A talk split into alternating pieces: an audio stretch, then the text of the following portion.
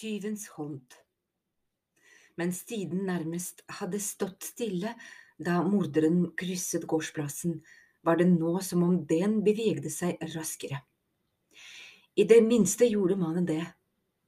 I brøkdelen av et sekund var han borte ved Flint og røsket rifla ut av hendene hans. Branns morder så ikke ut til å forstå hvordan geværet fungerte, så isteden spant han det rundt og brukte det som en klubbe. Et voldsomt slag splintet kolben og felte ikke bare Flint, men også to andre svartskjorter. Løp, prøvde Edvard å kommandere seg selv, men frykten holdt ham fast som tunge frostkledde lenker. Da hamskrek Mink hysterisk inne fra dobbelthakene og bjørnpelsen, mens han rygget baklengs mot trappen. Med et kamprop gikk resten av svartskjortene til angrep. Serpionov knyttet de messingbeslåtte nevene og var klar til å følge dem inn i kampen men Wilhelmsen grep ham i armen før han rakk å angripe. Ikke vær dum, Serpionov, sa han, overraskende rolig. Mannen løftet en stakkars svartskjorte opp etter halsen, heldigvis ikke med jernkloa. Han ble slynget til side som en sekk med fyllerier og tumlet over snøen. Den neste svarte skjorta fikk en bakhåndslag på kjeften, så det sang av jern mot tenner. Resten av gjengen kastet seg over morderen og prøvde å holde ham nede med kroppsvekten sin. De så ut til å fungere. I hele fem sekunder, før morderen sprang opp som en stålfjær og slynget svartskjortene til alle kanter. Mink hadde i mellomtiden kommet seg til toppen av trappen og røsket opp den tunge døren. Kom igjen, tåper, ropte han og gestikulerte voldsomt til de andre. Beinet til Edvard begynte å bevege seg før han selv var klar over det. Han la på sprang. I det samme kjente han håndflaten til Wilhelmsen mellom skulderbladene. Det ga ham ekstra fart opp trappetrinnene, og han tumlet over dørterskelen. Serpionov og Wilhelmsen slamret igjen døren bak seg. Svartskjortene ble etterlatt for å stagge den gale morderen. Han er ikke menneskelig, buldret Wilhelmsen. Vi må barrikadere døren. Mink vred om nøkkelen. I det samme kom Serpionov slepende på en svær ridderrustning. Forsiktig, hylte Mink, men Serpionov velte den foran døren med et enormt brak som ljømet under det høye taket i foajeen.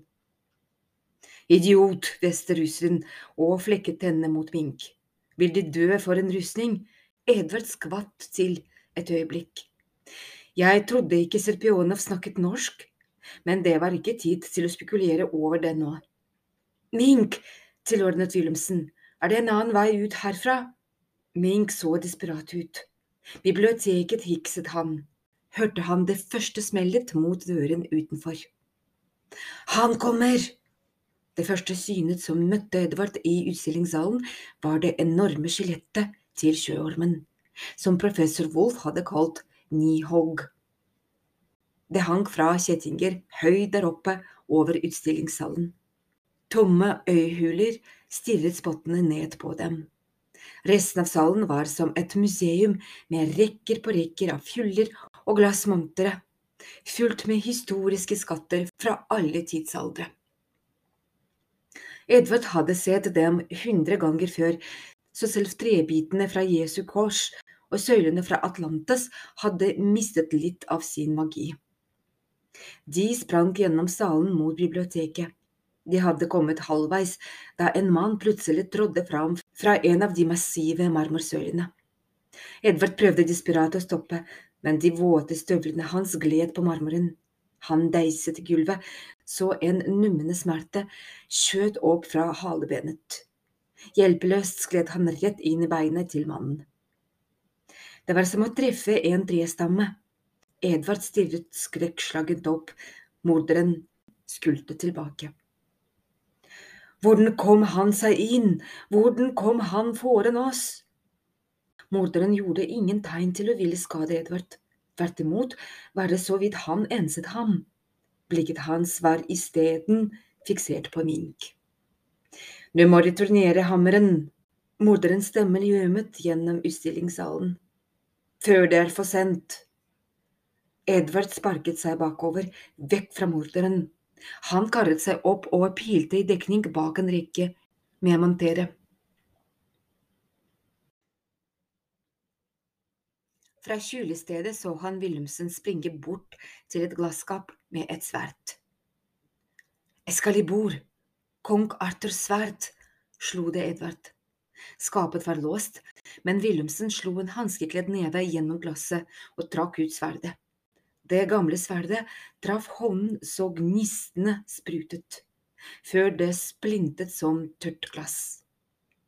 Et mektig sverd, sa morderen og grep Wilhelmsen rundt halsen, men ikke mektigere enn meg. Mannen sled det som var igjen av sverdet, ut av Wilhelmsens hånd og slynget det gjennom rommet. Det sneipet skinnbeinet til Serpionov før det boret seg inn i en marmorsøyle og ble stående. Serpionov tok seg til kinnet. Blod. Han bommet med vilje, innså Edvard. Han kan drepe oss alle hvis han ønsker det. Wilhelmsen hev etter pusten og var svak som et barn mot morderens voldsomme styrke. Jeg er lei av å slåss, sa morderen. I tusenvis av år har jeg slåss. Nå er det nok. Tusenvis av år. Edvard reiste seg fra hjemmestedet sitt. Han må være sinnssyk. Men en annen stemme langt bak i hodet fortalte ham noe annet. Nei, han er ikke gal. Han snakker sant. Morderen løsnet jerngrepet så Wilhelmsen kollapset på gulvet. Deretter grep han noe fra innsiden av frakken og trakk det ut.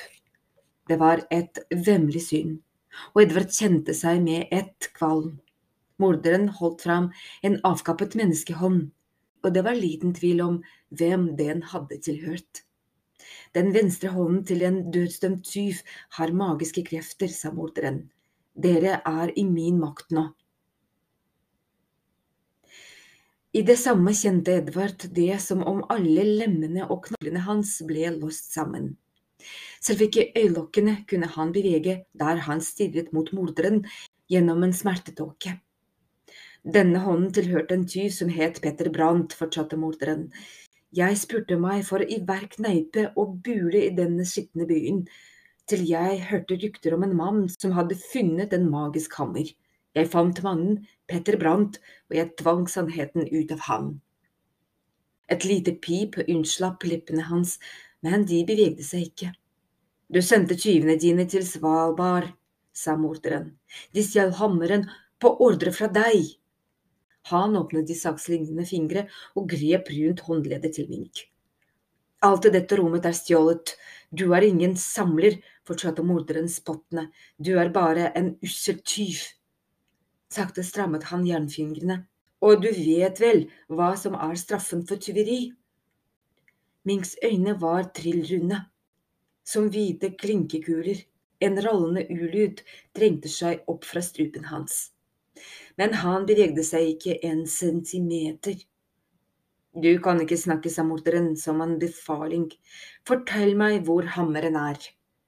I det samme var det som om alle musklene i ansiktet til Mink løsnet. Leppene og kjeven bevegde seg ukontrollert, og noen merkelige lyder, forsøk på ord, unnslapp munnen hans. Ikke her, klarte han omsider å stotre fram. Hammeren er ikke her, vet ikke hvor. Morderen rynket pannen. Du snakker sant, sa han uten tvil i stemmen. Hvem har den? Tungen stakk ut mellom leppene til Mink. Han prøvde å trekke den inn igjen. Kaptein Rystvik har den, kjempet han fram. Jeg sendte henne vekk, vet ikke hvor hun dro. Morderen flekket tennene i noe som kunne minne om et smil. De dype furene i ansiktet var som meislet ut av flintstein. Ja vel, da må jeg finne denne kapteinen på egen hånd. Han så på Mink. Men først skal du få din straff, tyv. Det knirket i hjernen. En enslig bloddråpe falt mot gulvet, men før han rakk å klemme stålkloet sammen, gikk det et trykk gjennom morderen. Edvard trodde øynene spilte han et pus. Morderen begynte å bli utydelig. som et uskarpt fotografi, som om han var i ferd med å gå i oppløsning. Nei, utbrøt morderen med fortvilelse i stemmen, ikke ennå, tyven må få sin straff. Så forsvant